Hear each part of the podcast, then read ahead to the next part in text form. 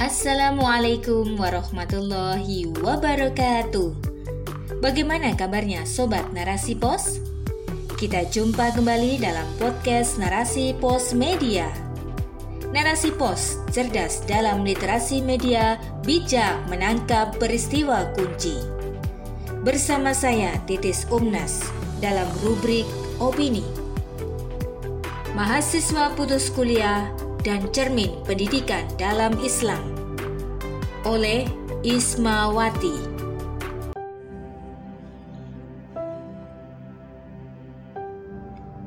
Pandemi COVID-19 kini sudah memasuki hampir tahun kedua. Sejak Maret 2020 sampai hari ini, jumlah kasus positif sudah mencapai lebih dari 4 juta jiwa yang terpapar virus. Tidak ada yang tahu kapan wabah ini akan berakhir, mengingat setiap hari yang terpapar justru semakin meningkat. Berbagai upaya yang dilakukan pemerintah belum mampu menekan laju virus yang berasal dari Cina ini. Pandemi saat ini pun telah mengubah tatanan kehidupan manusia. Semua kehidupan serba digital di rumah. Bukan hanya itu, pandemi ini juga telah membawa dampak serius bagi kehidupan bukan hanya krisis kesehatan, tapi juga perekonomian. Banyak keluarga yang sulit memenuhi kebutuhan hidup karena semakin sempitnya lapangan pekerjaan. Dampak ekonomi lainnya juga sulitnya membayar biaya pendidikan. Seperti yang diwartakan pikiran rakyat.com 21 Agustus 2021 menurut survei yang dilakukan Badan Eksekutif Mahasiswa Universitas Indonesia, sebanyak 72% dari 3.321 mahasiswa mengaku kesulitan membayar biaya kuliah. Selain itu, Dilansir dari jawapos.com 15 Agustus 2021, Kepala Lembaga Beasiswa Bas Nasri Nur Hidayah dalam peluncuran zakat untuk pendidikan di Jakarta secara virtual pada Senin 15 Agustus bahwa data dari Kemendikbudristek sepanjang tahun lalu angka putus kuliah di Indonesia sebanyak 602,208 ribu orang. Berdasarkan informasi yang diterima, rata-rata angka putus kuliah paling banyak ada di perguruan tinggi swasta.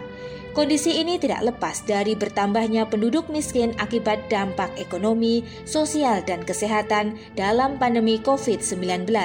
Karena pada tahun sebelumnya, angka putus kuliah sekitar 18 persen, sementara di masa pandemi ini naik mencapai 50 persen. Pendidikan dalam kapitalisme. Sejatinya, kondisi ini adalah kondisi yang memprihatinkan. Lebih dari setengah juta mahasiswa putus kuliah akibat pandemi COVID-19 yang semakin menekan sektor ekonomi. Hal ini harus menjadi perhatian utama pemerintah karena pendidikan adalah faktor penting bagi generasi. Meski tak ada pandemi pun, pendidikan adalah barang mahal di negeri ini. Hanya orang-orang berduit yang bisa mengenyam pendidikan tinggi dan terbaik. Sistem sekuler tidak mampu memberikan kesejahteraan bagi rakyat, bahkan dalam pendidikan. Wajar saja, saat ini pemasukan kas negara tidak terkontrol dengan baik. Sumber daya alam misalnya, tidak dikelola negara untuk kebutuhan rakyat, tetapi diberikan kepada asing untuk mengelolanya seperti misalnya gunung emas di Papua yang dikuasai PT Freeport, yakni perusahaan tambang milik Amerika Serikat selama puluhan tahun. Alhasil, penduduk pribumi miskin di negeri sendiri, pendidikan sampai tak bisa dirasakan seluruh rakyat. Pendidikan adalah hak segala bangsa, jika banyak mahasiswa putus kuliah, tentu akan muncul ancaman kehilangan potensi intelektual generasi di depan mata. Padahal, generasi berpendidikan diperlukan sebagai motor penggerak perubahan. Dari belajar di perguruan tinggi inilah muncul generasi-generasi intelektual tersebut. Namun, jika mahasiswa banyak yang putus kuliah, bagaimana nasib generasi mendatang? Tidak cukup hanya itu, Sistem pendidikan sekuler kapitalis yang berbiaya mahal hanya menghasilkan sumber daya yang berorientasi materi, sehingga generasi yang dihasilkan adalah generasi yang siap kerja saja. Alhasil, berlomba-lomba meraih nilai tinggi adalah orientasi utama agar bisa diterima di perusahaan besar dengan gaji tinggi.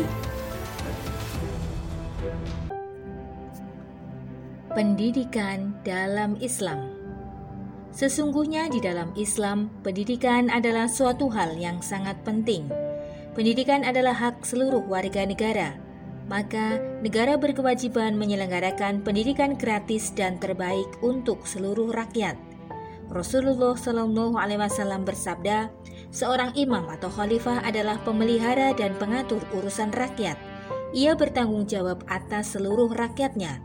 Hadis riwayat Bukhari dan Muslim. Islam adalah sistem pemerintahan yang sempurna dan paripurna. Setiap permasalahan telah Allah Subhanahu wa Ta'ala berikan solusinya melalui firman-Nya dan sunnah Rasul-Nya, termasuk penanggulangan wabah. Islam telah memerintahkan untuk lockdown serta memisahkan yang sakit dan yang sehat untuk memutus rantai penyebaran wabah Rasulullah Shallallahu Alaihi Wasallam bersabda, "Jika kamu mendengar wabah di suatu wilayah, maka janganlah kalian memasukinya. Tapi jika terjadi wabah di tempat kamu berada, maka janganlah kamu tinggalkan tempat itu." Hadis riwayat Bukhari.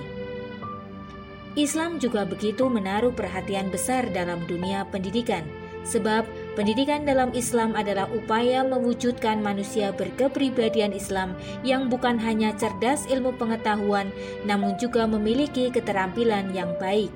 Pendidikan dalam Islam tidak serta-merta berorientasi pada materi saja. Selain itu, biaya pendidikan di dalam Islam tidak semahal hari ini karena negara wajib memberikan dana, sarana, dan prasarana untuk terlaksananya program pendidikan. Dana yang diperoleh ini adalah kas dari Baitul Mal untuk kemaslahatan rakyatnya. Maka para peserta didik tidak harus ambil pusing memikirkan biaya kuliah yang mahal dan beban pendidikan yang sulit. Telah banyak sejarah mencatat kegemilangan pendidikan dalam sistem Islam. Salah satu contoh adalah adanya Madrasah Al-Muntan Syariah yang didirikan oleh Khalifah Al-Muntan Serbilah di kota Baghdad. Sebuah perguruan tinggi yang dibangun Khalifah Al-Muntan Serbilah tahun 1226 Masehi sampai 1242 Masehi ini adalah salah satu perguruan tinggi potret dari sejarah kegemilangan Islam. Setiap siswa menerima beasiswa berupa emas seharga satu dinar atau 4 1,25 gram emas. Oleh karena itu, saat ini sejatinya sistem sekuler sudah tidak mampu memberikan kebijakan yang mengutamakan rakyat. Saatnya kembali kepada sistem Islam yang telah terbukti memberikan kesejahteraan rakyat selama lebih dari 1300 tahun. Wallahu a'lam bishawab.